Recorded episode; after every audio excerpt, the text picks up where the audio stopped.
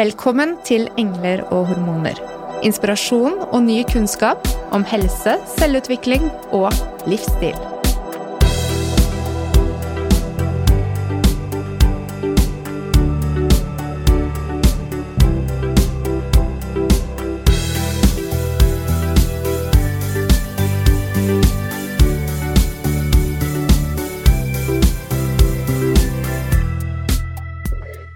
Har du noen gang fått et eureka-øyeblikk der du ser klart at du ønsker å gjøre en livsstilsendring, og så legger du store planer og finner deg selv i å gjøre akkurat det motsatte av det du hadde tenkt?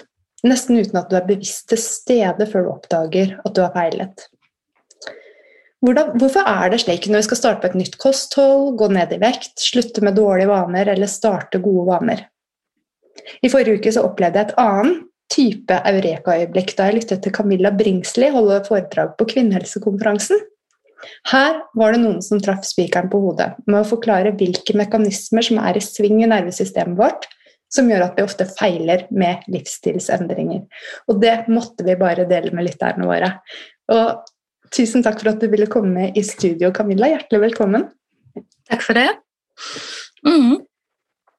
Du eh, holdt et skikkelig show på søndag. jeg må si, eh, For en avslutning på en eh, helg der du kom og virkelig satte nervesystemet og følelsene våre i system. Så bra. Tusen takk.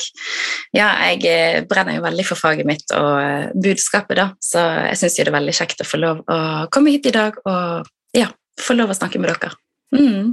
Men for de av oss som ikke kjenner deg, da, Camilla, kan vi ja, få vite litt mer om hvem du er, og hva som er din bakgrunn.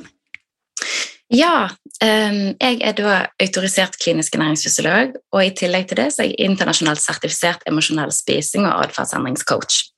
Så jeg driver mitt eget firma og jobber da med mennesker som har utfordringer med å gå ned i vekt.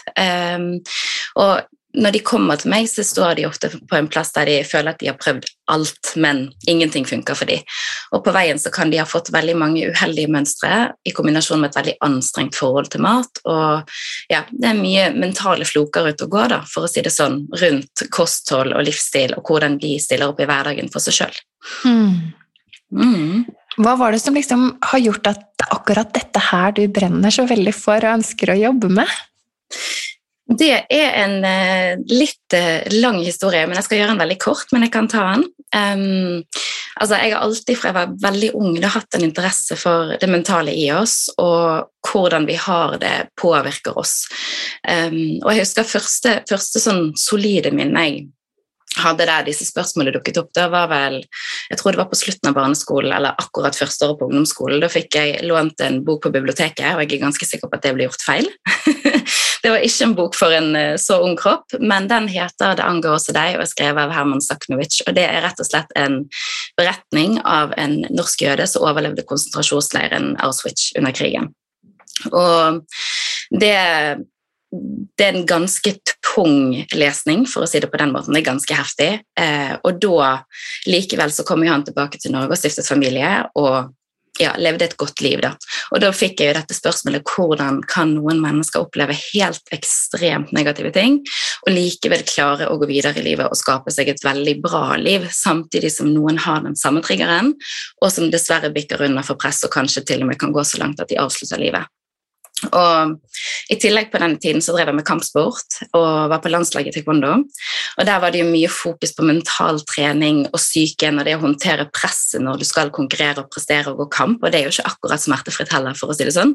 Så det var mye fokus på å holde hodet kaldt og prestere bra. Så veien videre derfra når jeg da begynte å studere etter videregående, var at jeg studerte psykologi før jeg så gikk over til en master i klinisk ernæring. Men ved siden av ernæringsstudiet så fortsatte jeg å ta psykologifag da, som jeg fant interessante. Og eh, i 2015 så var jeg i mammapermisjon for første gang med mitt første barn. Og da startet jeg samtidig mitt første firma og drev med veiledning og hjelp til personer som drev med idrett og ville ned i vekt. Og rett og slett under hele min fartstid da eh, har jeg jo jobbet med mennesker som gjerne da ville skape endring i livet sitt, men det er det gjennomgående trekket med at de vet hva de skal gjøre, og hvordan, men hvorfor klarer de det ikke? Altså, Hva er mekanismene som gjør at noe ikke blir gjennomførbart og blir til permanente endringer. Selv om noen tilsynelatende har all motivasjonen de trenger, og all kunnskap de trenger. Og Det gjorde jo at jeg da fortsatte å videreutdanne meg da, og søke kunnskap. Og så jeg da etterutdannet meg til coach inn mot eh, emosjonell spising og atferdsendring for å finne denne missing linken, for å forstå de mønstrene vi har, og hvordan vi kan jobbe rundt det for å få endret det. Så det var i korte trekk. Mm. Wow, dette her gleder jeg meg veldig til å lære mer om! The missing link! Men når vi skal gå inn på dette temaet, så så er det jo klart med din bakgrunn at vi kommer mot temaet mat eh, og dens mm. rolle i vårt liv. Men vi kan vel egentlig overføre dette til flere typer utfordringer med å kunne endre livsstil, eller hva sier du, Camilla? Absolutt. Det er gjennomgående ting eh, som man kan bruke på alle aspekter i livet sitt. Og som jeg pleier å si til klientene som kommer til meg, eh, de er veldig fokusert på at de må bare ha hjelp med maten sånn at de kommer seg ned i vekt. Men maten er faktisk kun symptomet på de underliggende tingene som foregår. Så løsningen er ofte en veldig annerledes enn den de er på utkikk etter der og da, men du er nødt til å jobbe totalt for å faktisk få til en endring. Og da må vi ha hodet med på kjøpet. Mm. Mm. Så i dag, kjære lytter, når du sitter der og kanskje har en spesifikk ting som du ønsker å jobbe med, så kan du bare stryke ut mat hver gang vi sier det, og så putte inn den tingen som er relevant for deg. Sant? Ja. Mm. Ja, så legger vi en plan da, på denne fantastiske livsstilsendringen vi skal gjøre, og så begynner vi å gjennomføre, men så finner vi oss selv plutselig i en situasjon der vi gjør det motsatte av det vi har tenkt, og så tenker vi bare fuck it. Dette her, nå er det kjørt. Um, da kan den like så godt gå til skogen i dag, og jeg begynner på nytt i morgen. Er det liksom typisk der vi havner? Ja.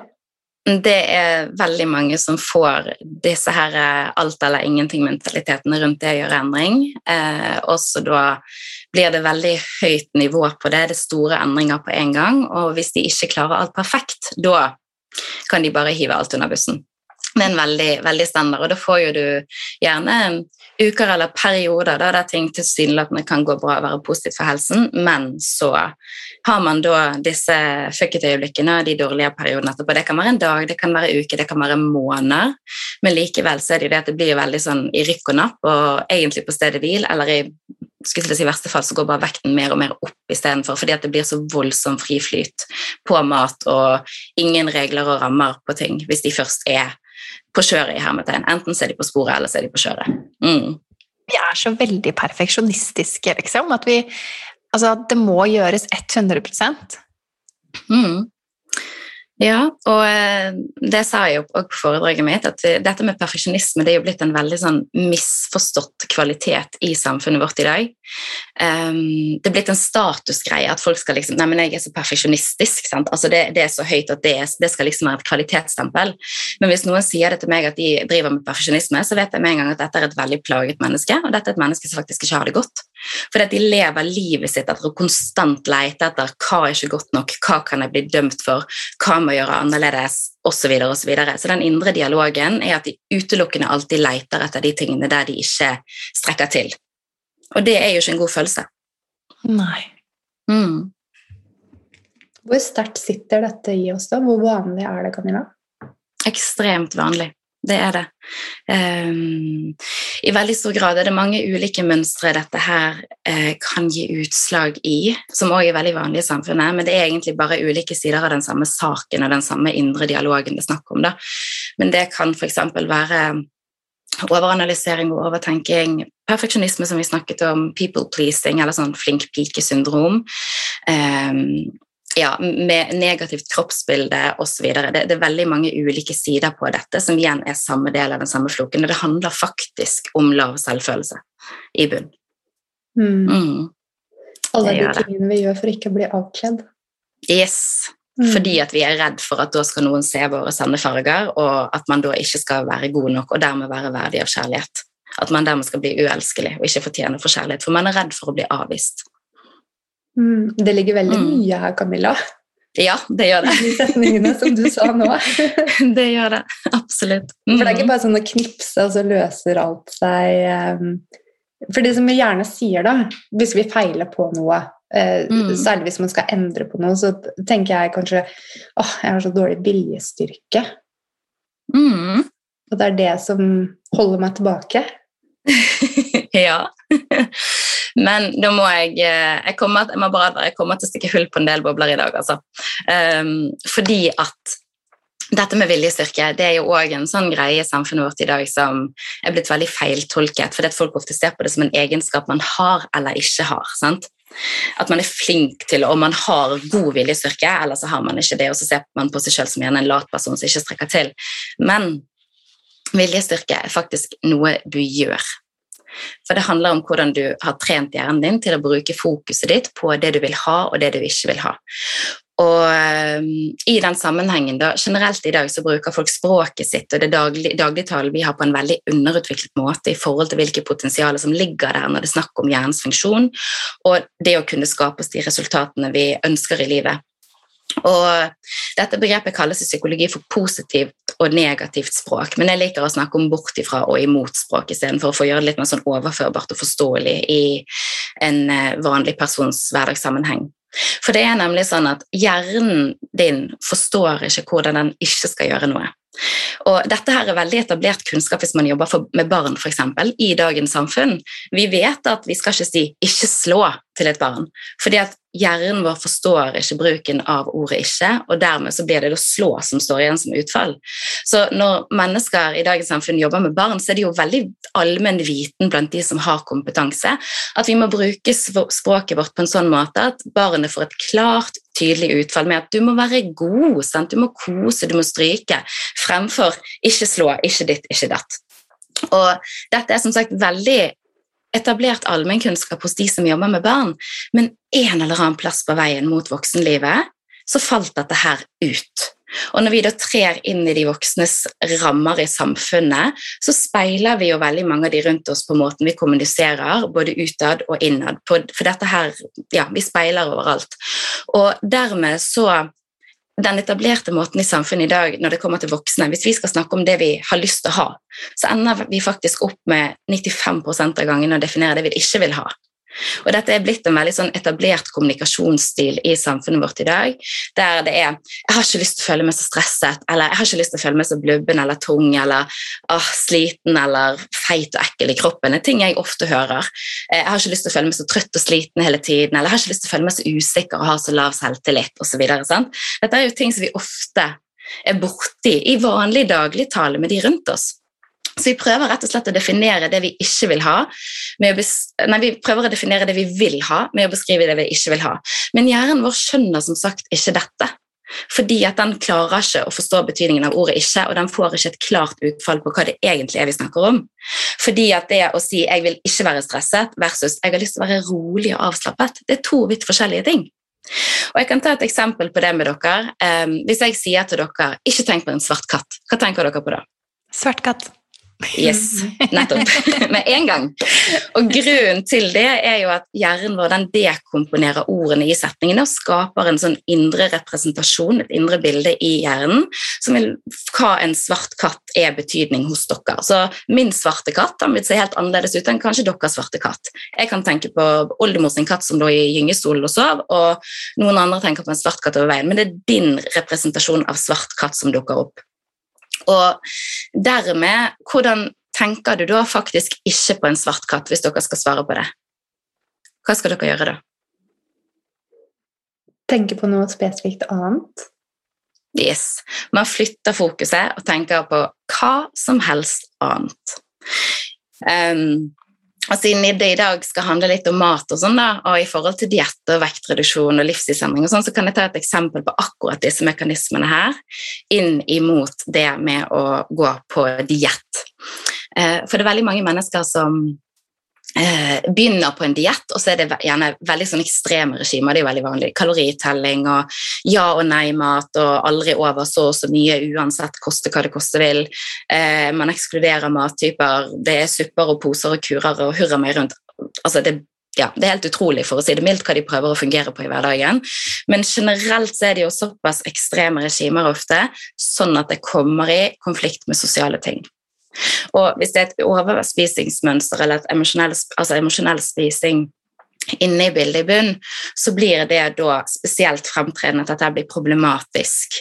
Um, og relatert til det, de språklige tingene vi nettopp snakket om, da, da kan en person som har tenkt å gå ned i vekt og går på en diett, bruke en hel uke i forkant av en fest på lørdagen og tenke på shit, hva hvis det er cupcakes der? Hva, hva, hva hvis det er cupcakes? Og, og, shit, hva hvis jeg ødelegger dietten? Hva hvis jeg faller ut på? Hva hvis jeg ikke klarer å kontrollere meg sjøl? Hva hvis jeg eh, ja, sprekker? Kommer noen til å se hvordan jeg spiser? Hva hvis jeg ikke klarer å slutte å spise, så blir det flaut? Skal jeg gå på do og spise? Skal jeg dra hjem? Men da er jeg kanskje en partypooper.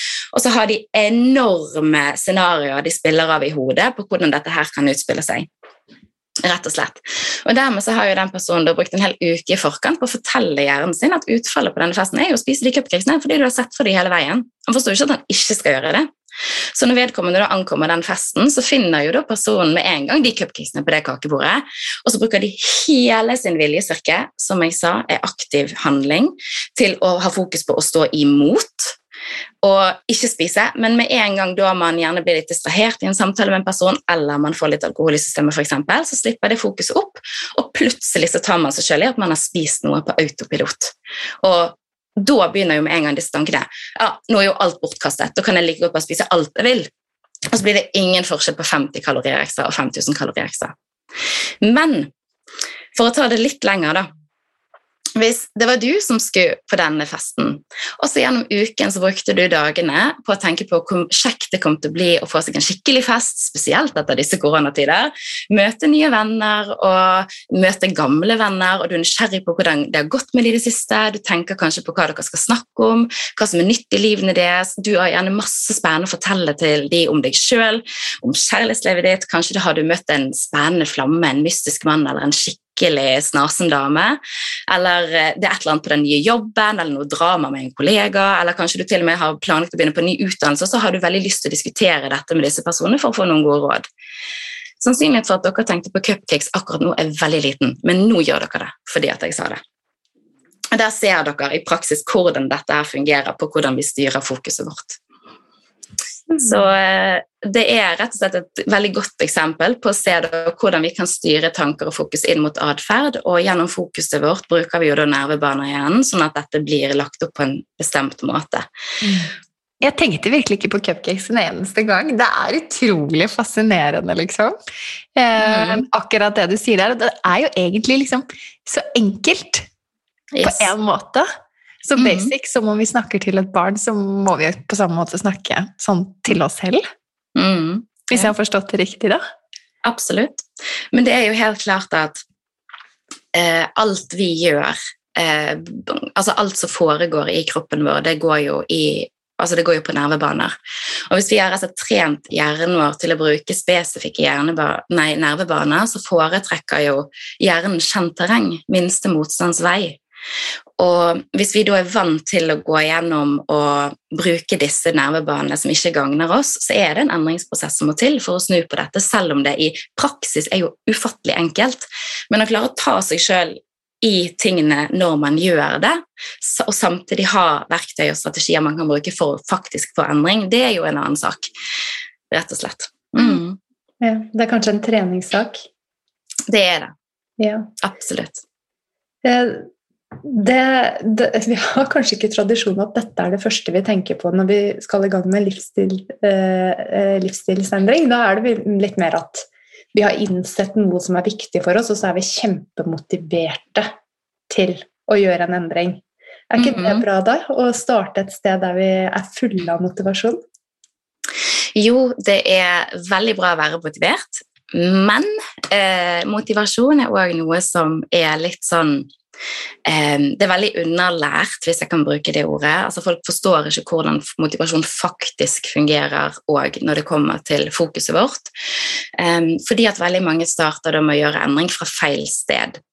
Og sånn som motivasjon fungerer i dag, så snakker folk veldig ofte om at ja, enten så har jeg motivasjon, eller så har jeg ikke det. Og så hvis de ikke har det, da aner de i hvert fall ikke hvordan de skal få det. sant? Åh, ja, men Jeg vet at jeg burde, men jeg er bare ikke motivert. Altså, Hvor mange ganger har ikke vi hørt noen si det? sant? Men når det kommer til motivasjon, da, så deles den i to. Det er to typer motivasjon. Den ene baserer seg på smerte, og den andre baserer seg på glede, altså belønning. Det vi får mer av. Og når noen da starter med en endring og kommer fra feil sted, så er det ofte der at de trives ikke der de er, og så har ikke de fokuset på rette plassen, for de fokuserer bare på smertemotivasjonen. Og det, Da har du igjen denne her standardiserte som jeg Dere vil ikke tro hvor ofte jeg hører dette, men liksom Nei, nå er det nok. Dette kan ikke fortsette. Nå må jeg ta tak. Fra nå av er det ingen sukker, ingen snacks, ingen vin, ingen snop, ikke noe, ingen karbohydrater. Til jeg har fått den vekten. Og så skal de liksom bare sette alle kluter til. Men så er det jo litt som betenkelig da, at uh, typisk treningssentrene er veldig full 1.-2. januar, og så er de tomme igjen når vi kommer til den 21. Sant? Det varer tre uker ut i januar. Og da er det jo som sagt dette med hvordan motivasjonen fungerer, for vi har et limbo midt inni der, og det må vi være bevisst på, for ellers så faller vi av. Og så forsvinner folk ut av treningssenteret, og så blir det med det. Og det går rett og slett på da at hvis vi tar noen som skal gjøre et, uh, en livsstilsendring på et nyttårsforsett, da, så begynner de gjerne etter julen veldig veldig motivert basert på masse smerte, for denne jeansen går jo ikke oppover lårene, de har ikke sjans å få knappen igjen. Og de bare føler seg ikke vel med der de er, og de vil vekk fra der de er, bare basert på hvor ubehagelig de har det, og hvor kjipt de føler det med seg sjøl. Ehm, og etter hvert som tiden går, men gjerne drastiske ting og sånn, uh, tiltak med både trening og kosthold og masse baller i luften på en gang, så begynner de da to-tre uker ut igjen å merke litt effekt. Sant? Man føler seg litt kvikkere i kroppen, litt freshere, ikke så tung i energien lenger når man har fått litt sånn julemat og sånn ut av systemet, og spiser sunt. Og um, dermed så begynner den graden av smertemotivasjon å synke. Altså den driven vi hadde i smertemotivasjon, den begynner å avta fordi at vi føler ikke at det brenner like mye lenger. Vi, ikke, vi, altså vi har ikke det samme ubehaget lenger. Og vi føler ikke oss like crappy med oss sjøl, for vi kan basically ha den samme vekten, men vi kan føle oss veldig forskjellige på det, avhengig av hva vi har spist. Vi kan ha masse energi og føle oss sunn og fresh, eller så kan vi føle oss som et flykrasj fordi vi har gjerne spist masse mat som gjør oss tung og sliten, og ikke fremmer energioverskudd. Og Hvis man da kommer da, tre uker ut i januar, og så skjer livet, og ikke vet hvordan motivasjonen fungerer, da ender det jo opp med at man faller av. Og Da er det jo nok en gang dette her bare ble et skippertak, og så ble det ikke noe varig. Eh, men det er en annen som sagt, type motivasjon, og det er jo den belønningsmotivasjonen. Så hvis du har fokuset på rette plassen i en endringsprosess, så ja, smertemotivasjon er nyttig til en viss grad, for å sette i gang en endring og for liksom få eh, altså få, få, komme seg over terskelen. Men når det kommer til den belønningsmotivasjonen, så er vi nødt til å fokusere på alt vi får mer av av å gjøre disse endringene i livet. Altså alt du når, man da ender opp med å føle at det ikke brenner like mye på dass lenger, for å si det rett ut, da er man nødt til å liksom få vann på hjulet på alt du får mer av, alt det gir deg, og fortsette med disse gode mønstrene og disse gode vanene, sånn at endringsprosessen blir aktivt fokusert med alt det gir deg å få til disse tingene. Og Dermed da så vil dette her bli en varig prosess sammenlignet med at vi kun baserer oss på smertemotivasjonen, og så avtar den, og så skjer livet. Mm. Det er så bra at du sier det, fordi når du forteller det på den måten, så kan jeg med en gang se for meg personer som jeg vet har klart å gjennomføre store endringer, og hvordan de har fokusert på akkurat det du sier eh, her. Mm. Eh, men det at vi vet om det, det gjør det jo mer til et verktøy som er utrolig viktig å være bevisst på. Definitivt. Mm. Du har jo vært litt inne på det, da, Camilla, men hva mer er det vi gjør som liksom, for å sabotere for oss selv? Um, det, det, er et veldig sånn, todelt spørsmål, for det kommer helt an på situasjonen som ligger til grunn for den personen som har lyst til å skape endring. Um, nå har vi jo snakket om hvordan folk kanskje utelukkende bare har en dårlig livsstil, for å si det på den måten, da, og ikke tar godt nok vare på seg sjøl, og så hvordan de da kan bruke motivasjon og fokus og sånn for å skape endring. Det har vi vært inne på nå. Men vi har òg en annen side av problematikken, og der er det et helt annet bilde.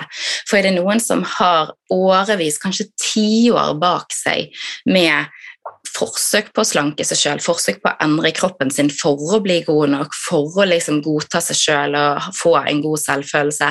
Altså De går gjennom livet med at alt blir bra bare når jeg får den vekten eller får det utseendet. Ut, ut, ut, sånn. um, Og på veien dit så har de veldig ofte fått et ekstremt anstrengt forhold til mat.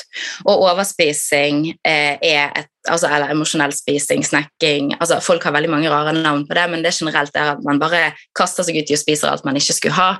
Det blir et sånn veldig fremtredende symptom som spenner bein på de regelmessig. Men som jeg nevnte tidligere, maten er bare symptomet på de underliggende tingene som foregår. Da. Og det handler jo veldig mye om eh, fokus og tankegang og sånn òg, men det bunner veldig i selvfølelse og disse problemene jeg nevnte, altså disse mønstrene jeg nevnte i sted, med perfeksjonisme, overtenking, overanalysering, kronisk bekymring. Um, ekstremt behov for kontroll osv. osv. Altså, det er samme floken, og vi kan ikke bare endre det på maten. Eh, vi er nødt til å jobbe underliggende òg.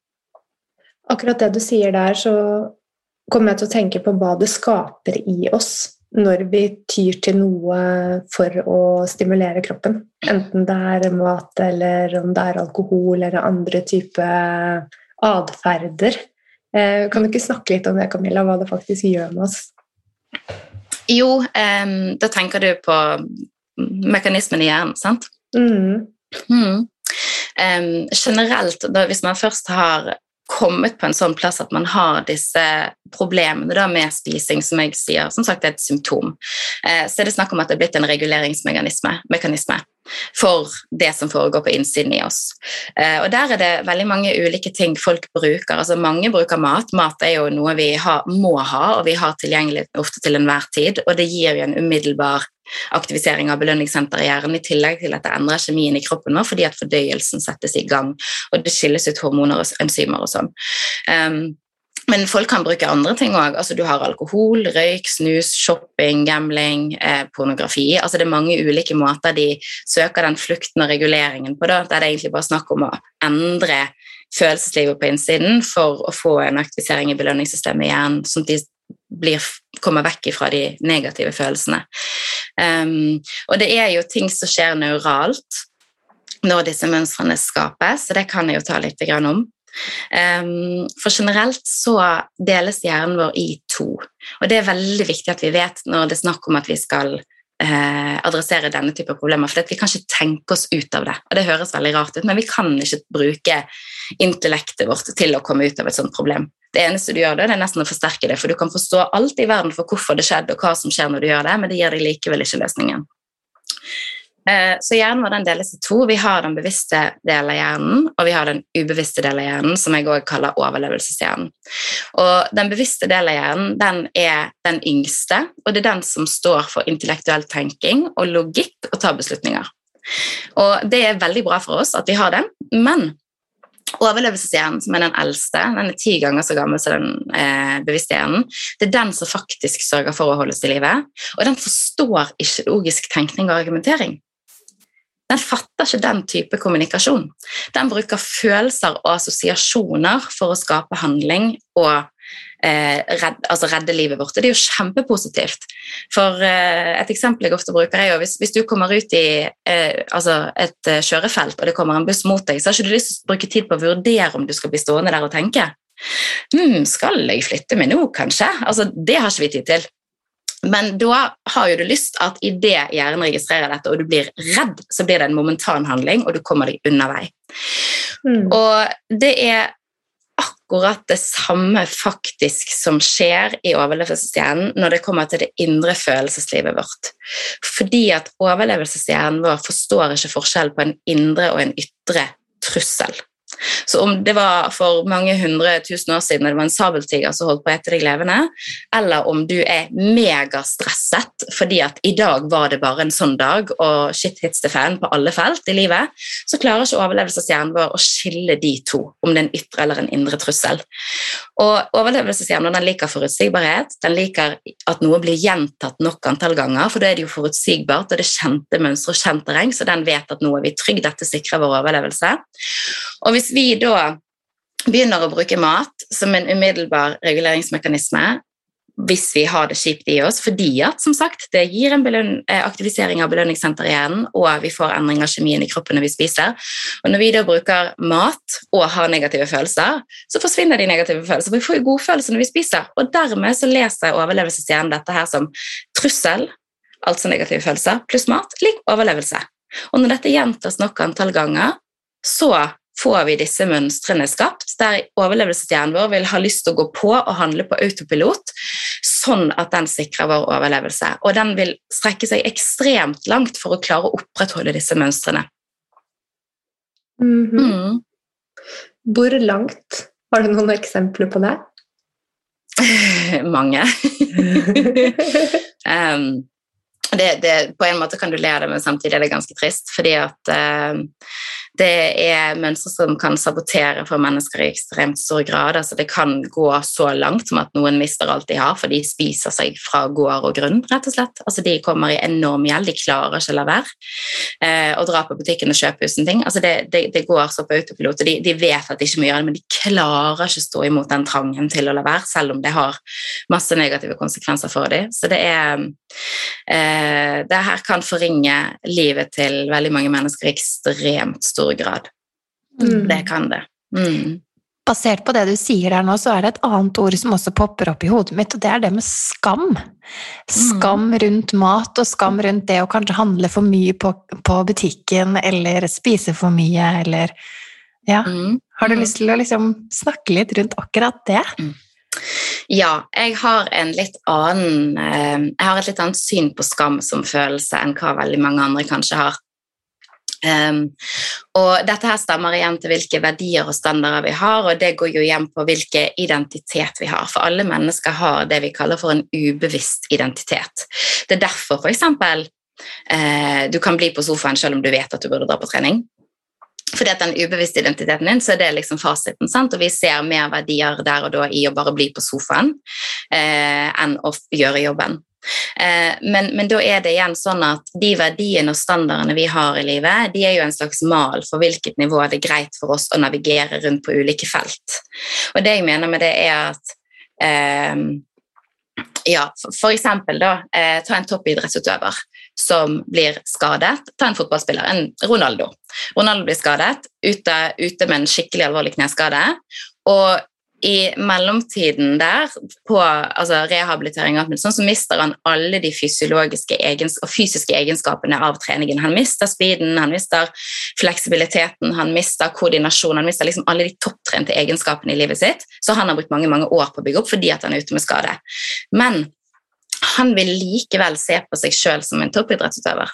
Så han vil tilnærme seg eh, rehabiliteringen med et nivå og en standard og en giv og en intensitet som er det samme som han, hvordan han gjorde livet og treningen sin før. Og så må bare fysiologien hans få lov til å hente han inn igjen i mellomtiden. Mens hvis du da har en annen person som får en skade, og eh, tar dette litt hardt da, og ikke har samme standardene for hvordan de går på trening og utfordringer og jobber for å nå mål, så kan det få et helt annet utfall på funksjonen på det kneet til syvende og sist, fordi at de går ikke inn i treningen med samme dedikasjon, intensitet osv. Dette går på hvilke standarder vi har i oss sjøl. Der er alle mennesker forskjellige. Noen de bryr seg overhodet ikke om huset ser ut som et bombet flykrasj, eh, og andre de må ha det på en viss nivå. Og det går på hvilke standarder og verdier vi har. Og grunnen til at jeg snakker om dette, nå lurer dere sikkert veldig Skam. Grunn, Ja, ikke sant? ja. Men skam er faktisk en ekstremt nyttig følelse, fordi at skam er et aksjonssignal på at nå brøt du dine indre standarder og verdier. Så skam er et aksjonssignal. Det er ikke en følelse man skal gi næring til å fortsette å skamme seg og slå seg selv i hjel. Det, det, det, det skaper ikke endring, og det er der veldig mange tror feil. De tror at ved å gi næring til skamfølelsen, så skal det bli nok smerte til at de får til en endring, men det eneste de fortsetter, er jo bare å oppholde seg i kronisk selvpining. Men skam er utelukkende en, et aksjonssignal, og det er en nyttig følelse, fordi at da har du to valg. Du kan ta ene veien, der det ikke kommer noe produktivt ut av det, for du bare fortsetter å slå deg selv i hjel og skamme deg. Eller så kan du se ok, hva kan jeg lære her? Hva må jeg endre på for å endre standardene mine, sånn at dette nivået av uh, dette bildet ikke skjer igjen? Sånn at jeg ikke presterer så labert igjen. Det kan f.eks. være at du blir på sofaen en kveld eh, når du vet at det aller beste hadde vært å gå ut og ta deg en spasertur eller en løpetur, og så føler du deg så fresh etterpå, og så skammer du deg litt og liksom føler deg dritt med deg sjøl etterpå fordi at du er skikkelig potetsekk noen timer seinere, så angrer du. Liksom, du kjenner på skam av at du nok en gang gjorde dette her. Sant? Og da er det ok, hva må jeg gjøre? Så skam er som sagt en nyttig følelse hvis du går inn i det på den måten og ser etter hva her må jeg endre på for at jeg ikke skal komme hit igjen. Mm. Ok, men det er jo veldig mange negative følelser vi går med. Som, som er utfordrende å komme forbi, eh, kanskje, for å lykkes med en livsstilsendring. Mm.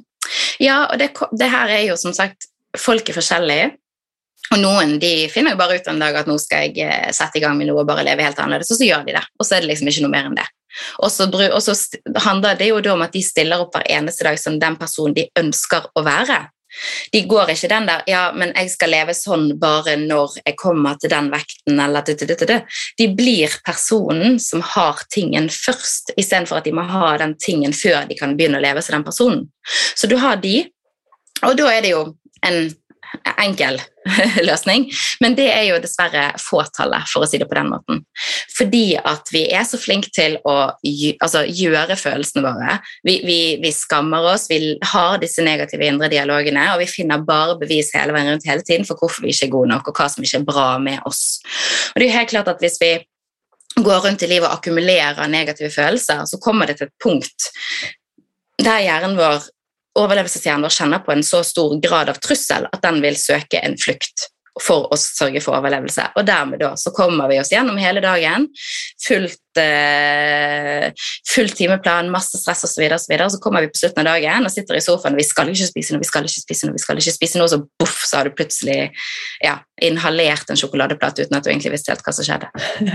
Mm. Men det er jo som, eh, som, mange sier på ulike måter, at du blir det du tenker, eller ja, du trekker til deg det som du fokuserer på. Eh, mm. Og det å være bevisst eh, Det krever jo mye tilstedeværelse også, hvis du skal se de mulighetene til å skape de positive endringene. Mm. Ja, i, i en endringsprosess så er det trening. Det er det. Men uh, i dag så har det òg en ting som er litt sånn i samfunnet vårt, at folk er så Hvis jeg hadde sagt jeg skulle stilt i OL, hvis jeg skulle prestert på et eller annet i OL, så folk så utrolig innforstått med at da må jeg trene masse for å komme meg til et visst nivå. Sånn at nervesignalet går fra hjernen og ned til muskulaturen, og alt fungerer sånn at jeg kan prestere på toppnivå. Men når det kommer til det mentale aspektet, så er folk gjerne litt sånn at eh, de prøver litt noen dager eller en liten periode, men så har de gjerne ikke den rette intensiteten eller eh, de rette verktøyene, eller at de, de får ikke fullt uttelling, sånn at dette her gir vann på hjulet. Og så, ja, det var noe fint å meditere litt, men Eh, og så slutter man med det igjen. Sant? For man får ikke nok av den belønningsmotivasjonen for å skape disse endringene. Så det er jo essensielt at man er innstilt på at det er jobb, og det vil være ubehagelig fordi at du faktisk må være aktiv med tenkingen din. Men da handler det jo igjen om å koble på dette fokuset da, på hva er de negative langtidskonsekvensene av å fortsette i de sporene du er nå versus å ta den jobben for en intensiv periode, og dermed kunne få alle de positive tingene du faktisk ønsker deg i livet. Hvor lang tid mm. tar det da å bygge disse nye nervebanene og liksom få innarbeidet nye mønstre? Mm. Det kan være forskjellig fra person til person, og det går jo rett og slett på historikk og kan du si bakgrunn. Noen har jo utviklet overspissing f.eks. utelukkende som følge av kjedsomhet. Sant? Altså De har sittet nok antall ganger i sofaen på kveld og kjedet seg, og så har de bare spist noe, og så begynner det å bli et mønster da, fordi at hjernen responderer på kjente renk, som sagt, og så blir det en uvane. Eh, mens andre kan ha veldig alvorlige traumer i bunn som en trigger. Eh, og da kan det noen ganger kreve mer jobb Eh, men det, de verktøyene som jeg bruker i min tilnærming til dette, er veldig effektive, så det er veldig mange som ikke har overspissingsepisoder bare etter noen få uker. Eh, fordi at vi får så mye bensin på det bålet da, for å skape denne, for en sånn strukturert endringsprosess. Men det er jo likevel sånn at jeg, kan, jeg, må jo være ærlig med, og det er jeg med alle klientene mine, jeg kan ikke garantere at etter du er ferdig å jobbe med meg, så kommer du aldri mer til å kjenne på en cravings eller bli trigget resten av ditt liv. Fordi at det er så mange ulike elementer som er inne i det å bli trigget. Det kan være omgivelser, det kan være julaften, det kan være påskemiddagen og påskeegg. Altså, vi er sesongbaserte individer, og det kan være ulike sesonger gjennom livet og ulike perioder der sånne mønstre kan gjøres gjeldende. Men intensjonen er jo da at man er såpass bevisst på seg sjøl, og man er i så stor ro med det, for man vet nøyaktig hva man skal gjøre, og man vet man mestrer det. Så hvis det da skulle komme, så har man verktøyene man kan gjøre for å bare ta nok en situasjon så tydeligvis var en trigger. Mm. Mm. Men hvis du har lært deg opp til å er det feil å si self-soothe? Jeg vet ikke hva jeg skal bruke som mm. uttrykk, men hvis du bruker mat som trøst, da, eller er en emosjonell spiser, er det enklere å gå derfra til å bruke en av disse andre tingene som du nevnte tidligere, Camilla? At man er mer utsatt for å ja, kanskje bli avhengig av gambling eller pornografi eller alkohol eller ja? Eller trening. Ikke sant. Trening. Takk. Mm. Den, den, er veldig viktig, for den er det mange som har. Mm. Um, ja, altså nå, nå, er det jo veldig forskjellige ulike, og veldig ulike personer jeg jobber med, men det er ofte noen ting i kombinasjon. Det er det jo. Altså, det er mange som f.eks. snuser eller røyker, som òg bruker mat, eller Pepsi Max f.eks. Altså, de har ulike sånne sammensetninger på problematikken, men det er òg veldig mange av de som bruker trening inn i dette bildet som er en emosjonsregulering og som å blåse ut. Altså de, de, bruker trening for å numme seg sjøl og for å slite seg sjøl så mye ut at de på en måte ja, flykter da, fra å kjenne på det ubehagelig. Og det er veldig vanlig, dessverre, eh, og det er veldig lite bærekraftig i lengden. Og mange av de ender også opp med å få faktisk et vektproblem fordi at de kjører så sinnssykt hardt på treningen, og de spiller så utrolig lite på lag med kroppen sin i forhold til restitusjon og søvn og hvile, at det går for en periode, men så smeller det. Og de går på en med kjempesmell, og så klarer de ikke å trene like mye, de føler seg ikke bra, og da igjen, da, mat må vi jo ha. Og hvis de da må bli på sofaen en periode, sant, så, da, da, kan man i hvert fall spise. Sant? Så kan man svinge litt sånn mellom ulike måter å prøve å eh, regulere seg på, da, rett og slett. Og så blir det bare et veldig stort helseproblem ut av hele greien. Mm. Mm. Ja, for akkurat det du nevner der, det syns jeg er liksom et veldig sånn kjent bilde på veldig mange, som jeg liksom ser for meg. Mm. Ja. Det er det. Og eh, det er jo selvfølgelig viktig at hvis man skal jobbe med disse tingene, så må man jobbe veldig helhetlig. Eh, du, du, må se på mønstrene i egentlig alle lag av livet. Det handler om eh, hvilke forhold du har til deg sjøl, hvilke mønstre som gir seg utslag rundt atferd og mat og de tingene du ønsker å endre på. Men det handler òg om å se på alle lagene i hva du gjør i hverdagen din i livet ditt, sånn at du faktisk har en hverdag som spiller på lag med kroppen og helsen din, sånn at vi neuralt sett har det bra i, in, på innsiden av kroppen vår, og dermed så fremmer det livskvalitet. Mm. Så det er et sånn totalskift. Mm. Og så når du ser på situasjonen da at man skal ligge i energiunderskudd for å gå ned i vekt, og så i tillegg skal håndtere alle disse mekanismene, det er jo veldig mye belastning på kroppen. Mm. Ja, det er det. Eh, og det er derfor jeg er veldig opptatt av at det er nødt å være gjort på en sånn måte at det er nok mat som nummer én. Altså, det, det, er avgjørende for at det er noe som skal vare i lengden. I tillegg så må det være et kosthold som gjør at man har god energi gjennom dagen, uten at man knekker liksom, ja, gjennom hverdagen sin, og at det er nok mat sånn at man ikke får denne ulvehungeren i løpet av dagen der man bare kan sette tenna i armen sin hvis han smakte Nugatti, sant? fordi at man bare er så sulten. Eh, samtidig som at man da unngår de voldsomme cravingsene fordi at kroppen har nok mat i bunnen. Så det er ikke sånn når det kommer til inntak at less is more i forhold til å rase ned i vekt. Mm. Det får meg til å tenke på et annet ord, da. det er jo det med diett. Og hva det mm. gjør med oss sånn rent psykologisk, og liksom ja, hva, hva det betyr for oss i dag. Mm. Ja, og det er jo sånn at og veld, veldig mange av de som kommer til meg, de, eh, de har veldig lyst på bare å få en kostholdsplan og bare få et opplegg, sånn at de kan gå ned i vekt og bli ferdig med dette. For da, når de får den vekten, da skal jo alle disse andre tingene løse seg. sant? Eh, men da skuffer jeg det jo ganske hardt og brutalt, for nei, det får du ikke. Eh, og det handler jo om de psykologiske effektene av diett som du nevnte. Og Diett kan mange da hevde har en fordel, og det er jo det at du slipper å tenke eller eventuelt kalkulere sjøl. Du bare gjør det som står på planen, og så skal det liksom funke og ta deg til målet. Men det er òg den aller største ulempen um, med å skulle gå på en kostplan eller diett. Fordi at du slutter å tenke, og du kalkulerer ikke sjøl. Ikke det at du skal drive med kalkulering, men poenget er at du skrur av hjernen og bruker den intellektuelle delen av deg som gjør at du opprettholder tilliten til deg sjøl. Fordi at når du da står på en kostplan eller en diett der du har fått presentert en fasit, så mister du jo da tilliten til deg sjøl og din egen kropp og signalet den sender. Altså, det er så mange mennesker. Eh, altså, jeg har jobbet med folk som har vært på vei ut i uføretrygd fordi at de kronisk prøver å spise under 1000 kalorier i døgnet, og de ødelegger helsen sin på det. Og funker ikke. Og Legene finner ikke ut av det, men så begynner jeg å grave. så bare, men Det er jo ikke rart at du har disse symptomene her. Du eter jo ikke mat. Det er ikke rart at kroppen din holder på å falle fra hverandre. Sant? Og så har de bare slavisk kjørt seg selv på at de skal under det tallet uansett hva. Og de lytter ikke til kroppen. Og ja, vi kan ikke komme unna med at det er energi inn og energi ut hvis man skal gå ned i vekt.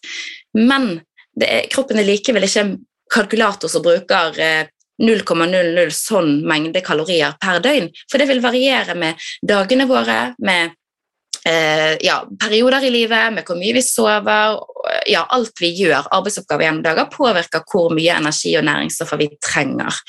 Og det er jo helt klart at Hvis vi da låses av en diett og en plan, og så begynner man å altså, stenge ute signalet kroppen sender hvis den ikke får nok mat, så får vi dette med at vi styres av regler, vi styres av tall, og så får vi en perfeksjonisme der enten så er du på sporet, eller så er du på kjøret. Og hvis du ikke treffer på tallet, da er du en fiasko.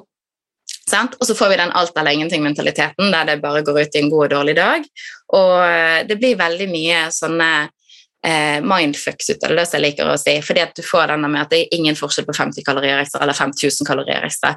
Og over tid på diett prosjekter og planer, så får veldig mange mennesker en sånn følelse av å være ekstremt begrenset. Fordi det er lite sosialt forenlig, det er lite um, vennlig ovenfor at livet skjer noen ganger. Altså Noen ganger så mister man flyet, eller noen ganger så hiver ungen din maten din utover gulvet, og så står du der uten mat neste timene, og du må bare ta en løsning. Altså Det er alle sånne ting som er problemer som vil komme, som humper i veien i en endringsprosess. Og Hvis du da går inn med en perfeksjonisme i det, der at Enten så følger du reglene, og hvis du ikke følger reglene, så er det en fiasko, og da er det bare å kaste alt under bussen, så blir jo det veldig lite bærekraftig. Fordi at vi bruker verktøy som krever en enorm innsats og kontroll og presisjon for å regulere oppførselen din rundt mat. Og samtidig så skal ikke du bruke hodet ditt til å tenke, så hva skjer da når livet skjer? Da står du der uten noe som helst redskap, uten noe som helst rom for at det vil bli variasjon, det vil være uforutsette hendelser, og at livet vil skje. Og det er sånn at Jo større grad av kontroll og rigiditet og presisjon du må ha, jo mer redd blir man for å miste kontroll og for å feile. For det må jo bety at du er en fiasko. sant? Mm. Og da forsterker jo den alt eller ingenting-mentaliteten og perfeksjonismen. Nemlig. Mm. Så egentlig så skal vi, skal vi ikke stresse sånn med, med, det, men la det flyte litt mer ut og ikke mm. så strenge rammer. Og det, det, vil du si at du ser hos dine klienter også, at de har mer suksess når de klarer å snu innstillingen mm. på den måten? 100% 100 mm. Og de får tilbake tilliten til seg sjøl, og de begynner å tenke sjøl igjen rundt mat. Og de ser at det er faktisk de store linjene som teller. Har man en dag noe uforutsett skjer, har man et eller annet som ikke blir som planlagt, så blir det en blipp på radaren hvis man faktisk holder de store linjene. Men selvfølgelig, hvis man da tar å nei, men nå er alt en fiasko, nå kan jeg bare kaste alt av arbeidet jeg har lagt ned eh, veggimellom, så vil jo det påvirke kursen på den radaren ekstremt mye og dra den ut til en side, fremfor at man er på stø kurs. Mm. Mm. Hvorfor har det blitt slik at det er eh, det, det, er jo sånn vi tror det skal være. Mm. Ja. Hvordan har det blitt slik at vi har misforstått uh, alt Eh, så grundig? Eh, jeg tenker Det der kommer jo også fra disse her tingene i samfunnet vårt som er helt på bærtur. Altså Det er jo blitt etablert, liksom. Altså vi, vi har jo gjerne vokst opp med alle sammen at vi har opplevd eksempler på at nei, nå skal vi gjøre endring, og nå er det alle kluter til, og nå skal jeg lide til jeg får resultater. sant? Men du kan ikke lide deg slank og ned i vekt. Det vil ikke være bærekraftig i lengden. På grunn av at da overlevelseshjernen tar dette her som en trussel. Sant? For det er negative følelser. Så dette her er jo den samme historien som spiller seg om og om igjen gang på gang. Og vi plukker jo opp fra andre. Altså, og det, det, ser jo jeg òg på alle de jeg jobber med. Det er ekstremt mange av de dette her er å spore tilbake helt tilbake fra barndommen, der de gjerne har vokst opp med noen i omgangskretsen, eh, en forelder eller noen som har hatt fokus på slanking, eh, der de liksom tenker ja, men det må jo være strategien for å gjøre det, for det gjorde jo den og den. Eh, eller det kan være ting i vennekretsen og sånn som begynner å rulle den snøballen, og så får jo det veldig stor fart etter hvert. Men det er blitt en sånn etablert sannhet i samfunnet vårt at hvis vi skal gjøre endring, så er det den plassen vi vil komme fra. Eh, og Det går jo også på selvfølelsen vår, sant? fordi vi har det så vondt med oss sjøl når vi først kommer over den terskelverdien og bare Nei, nå er det! Sant? Og så kjører vi på. Um, og Jeg har jo òg et konsept som Ehm, jeg kaller for, altså et begrep som jeg kaller for innsnevring av sirkelen. Og det er jo den historien som karakteriserer veldig mange som har gjort dette her, både menn og kvinner, eh, over mange mange år, og dermed utviklet emosjonell spising og overspising fordi at de har brukt feil verktøy for å skape varig endring. Um, og det handler jo rett og slett om at eh, jo, så, sånn som jeg sa jo mer grad av rigiditet og regler man får, jo større blir frykten for å feile.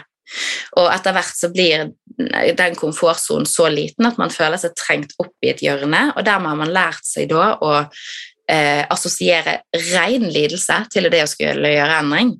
Men samtidig så er det jo ren lidelse å være der du er. Men da har du i hvert fall maten så du kan flykte. Sant? Så da blir det ikke akkurat noen motivasjon til å skape endring ut av det, fordi at man, man har koblet lidelse til hele, hele, bildet uansett hvilken vei man snur seg, men man kan i hvert fall ha maten da, og kose seg og slippe å tenke på det og numme seg sjøl. Mm. Mm -hmm. And the story goes on. Yes. mm. Nemlig.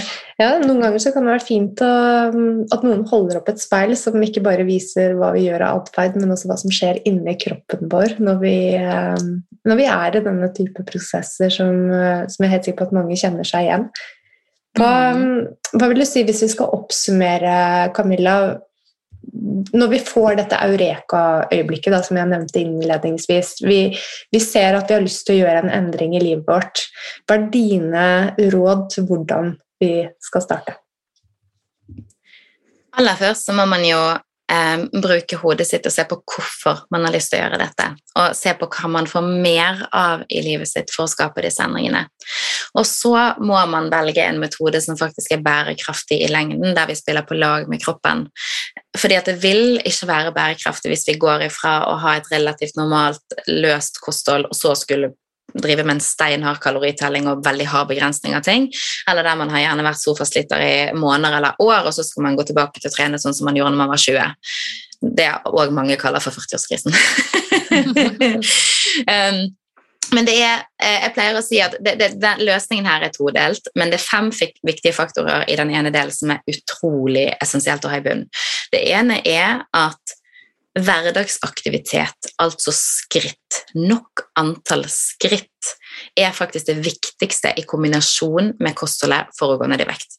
Det er ikke å begynne å herpe seg sjøl på trening og fullstendig torturere seg sjøl med beinhard trening og altfor lite mat, fordi det vil kun føre til at de anabole prosessene i kroppen stimuleres, som igjen øker appetitten, sånn at vi får enda mer sult. Pluss at når man da gjerne trener veldig hardt på lite mat, og gjerne for lite søvn og for lite hvile, så vil de ikke restituere og bygge kroppen opp, men istedenfor så bryter de ned kroppen, sånn at det kommer til det punktet der de går på en smell. Og videre derfra så er det som sagt jeg sa noe nok hverdagsaktivitet, altså nok skritt, og så er det dette kostholdet. Du må ha et kosthold som gir deg nok mat og gir deg jevn energi gjennom dagen uten for store mengder sult før hvert måltid, og du må unngå den ulvehungeren som vil resultere i cravings og overspising. Eh, typisk eh, ofte noe jeg hører jeg, jeg, jeg, jeg, faster på dagen, for da kan jeg spare kalorier til kvelden. Og altså, Det er en strategi som biter deg selv i baken hver eneste gang. fordi at når du da først ja, men nå har jeg jo spart, så nå kan jeg jo spise, da plutselig så skjer det noe, og så spiser vi veldig mye mer enn det som var planen. Og så begynner vi igjen neste dag. Så det handler som sagt om å ha et kosthold som gir deg nok mat og jevn energi uten for store mengder sult gjennom dagen. I tillegg så må vi ha nok vann. Altså drikke uten koffein og uten søtstoffer. Altså, vi må ha nok vann i oss gjennom dagen for at kroppen skal fungere optimalt. Veldig mange av de jeg jobber med, de drikker altfor lite, og når de da begynner å drikke nok vann, så sier de 'Å, gud, jeg føler meg så bra, jeg har masse energi'. Og sånn, Nei, det er sånn du egentlig skal føle deg. og så har vi òg nok søvn og nok hvile. Og da snakker jeg ikke om søvn, da snakker jeg om hvile i våken tilstand, altså rekreasjon. Der vi har det nervesystemet vårt som står for altså ro og restitusjon aktivisert. Så vi har de fem faktorene i bunnen på den ene siden. Aktivitet, kosthold, eh, vann, nok søvn og nok hvile. I tillegg til at er det mønstre her og masse mindfuck som følge av årevis med feile tilnærminger til ting, og så har man tilskrevet dette til sin egen eh, selvfølelse og sin egen verdi, når det egentlig er helt feil, for det sier ingenting om verdien til noen. Det sier kun noe om at de metodene man har brukt, ikke har vært den totale løsningen. Eh, da må vi òg jobbe med den emosjonelle fitnessen, sånn at vi lærer oss å styre følelsene og tankene våre på en fornuftig måte på innsiden, til tross for at det noen ganger stormer på utsiden. Så det er en todelt løsning. og Vi må jobbe mellom ørene, og vi må jobbe fra halsen og ned for at dette skal bli varig. Oh, wow. Det må jeg si, altså. Det er um, Man skal føle seg bra samtidig som man gir nok energi til kroppen. Uh, mm. Når du ser på det på den måten, så er det ikke akkurat revolusjonerende tenkning. Alt vi finner på for å ikke gjøre nettopp dette. Mm. Ja, det er ekstremt til tider hva jeg har vært borti av det folk holder på med. Og det er jo som jeg sier, det er jo selve definisjonen på selvpining. Mm. For det trenger ikke være sånn. Mm. Så du kan, du kan Dette her har truffet en veldig, da, at man har lyst til å sette i gang med en endring, men det er vanskelig om man kanskje har årevis med dietter bak seg og har utviklet kanskje en emosjonell spising, og man trenger hjelp. Om man kanskje søker hjelp til en som heter Camilla Bringsli, hvor finner de deg? da finner de meg rett og slett på camillabringsli.no. Eh, og Der eh, har jeg kartleggingssamtaler, så de kan booke seg en kartleggingstime. sånn at jeg kan kartlegge rett og slett hva problemet til denne personen er, hvor skoen trykker, og så vil vi da diskutere hva som vil være veien videre, som vil være riktig vei. Om det blir med meg, eller om det blir en annen ting, en annen sak. Fordi at det er voldsomme ting å jobbe på, det er veldig mye emosjoner knyttet til disse tingene, og det er òg viktig at det er en god relasjon i bunn hvis man skal jobbe sammen med noen for at dette skal bli varig, og man virkelig skal nå igjennom alle lagene i løken. Mm. Så eh, jeg kan ikke si at jeg kan hjelpe alle, men eh, jeg er nødt til å kartlegge de for å se om dette her er noe som kan funke for vedkommende. Mm. Jeg kom til å tenke på, Vi hadde en, en episode med Bente Sommerfelt, som er uh, psykologspesialist på Villa Sult. Mm. Hvor de søkte etter uh, mennesker som drev med emosjonell spising eller overspising. Hvor de opplevde mm. at det var veldig veldig mye vanskeligere å få tak i enn uh, kvinner og menn som sliter med anoreksi, f.eks., mm. eller bulimi. Ja. Og det er jo fordi at det er så mye skam bundet opp med det, sant? at de føler at de ikke kan kontrollere seg, og at de tilskriver at disse mønstrene må jo være noe galt med meg, det må jo være mangel på karakter og viljestyrke og iherdighet og alt. Jeg, jo ikke, jeg har jo ikke noen verdi. Hvis folk ser meg, så er det jo ingen som vil ha noe med meg å gjøre. Sant? Det er jo helt galt. For det har jo ingenting med saken å gjøre. Det her er kun lærte mønstre og lærte strategier i mangel av bedre verktøy. Mm. Mm. Tusen takk, Camilla. Tusen takk for at jeg fikk komme. Det var veldig hyggelig. Du er faktisk et fyrverkeri, og vi skal ja, legge til rette for at eh, hele Instagram skal få se mer av deg den uken som kommer. Tusen takk for det. Jeg gleder meg. Mm. Vi høres da, dere. ja, ha det. Ha det.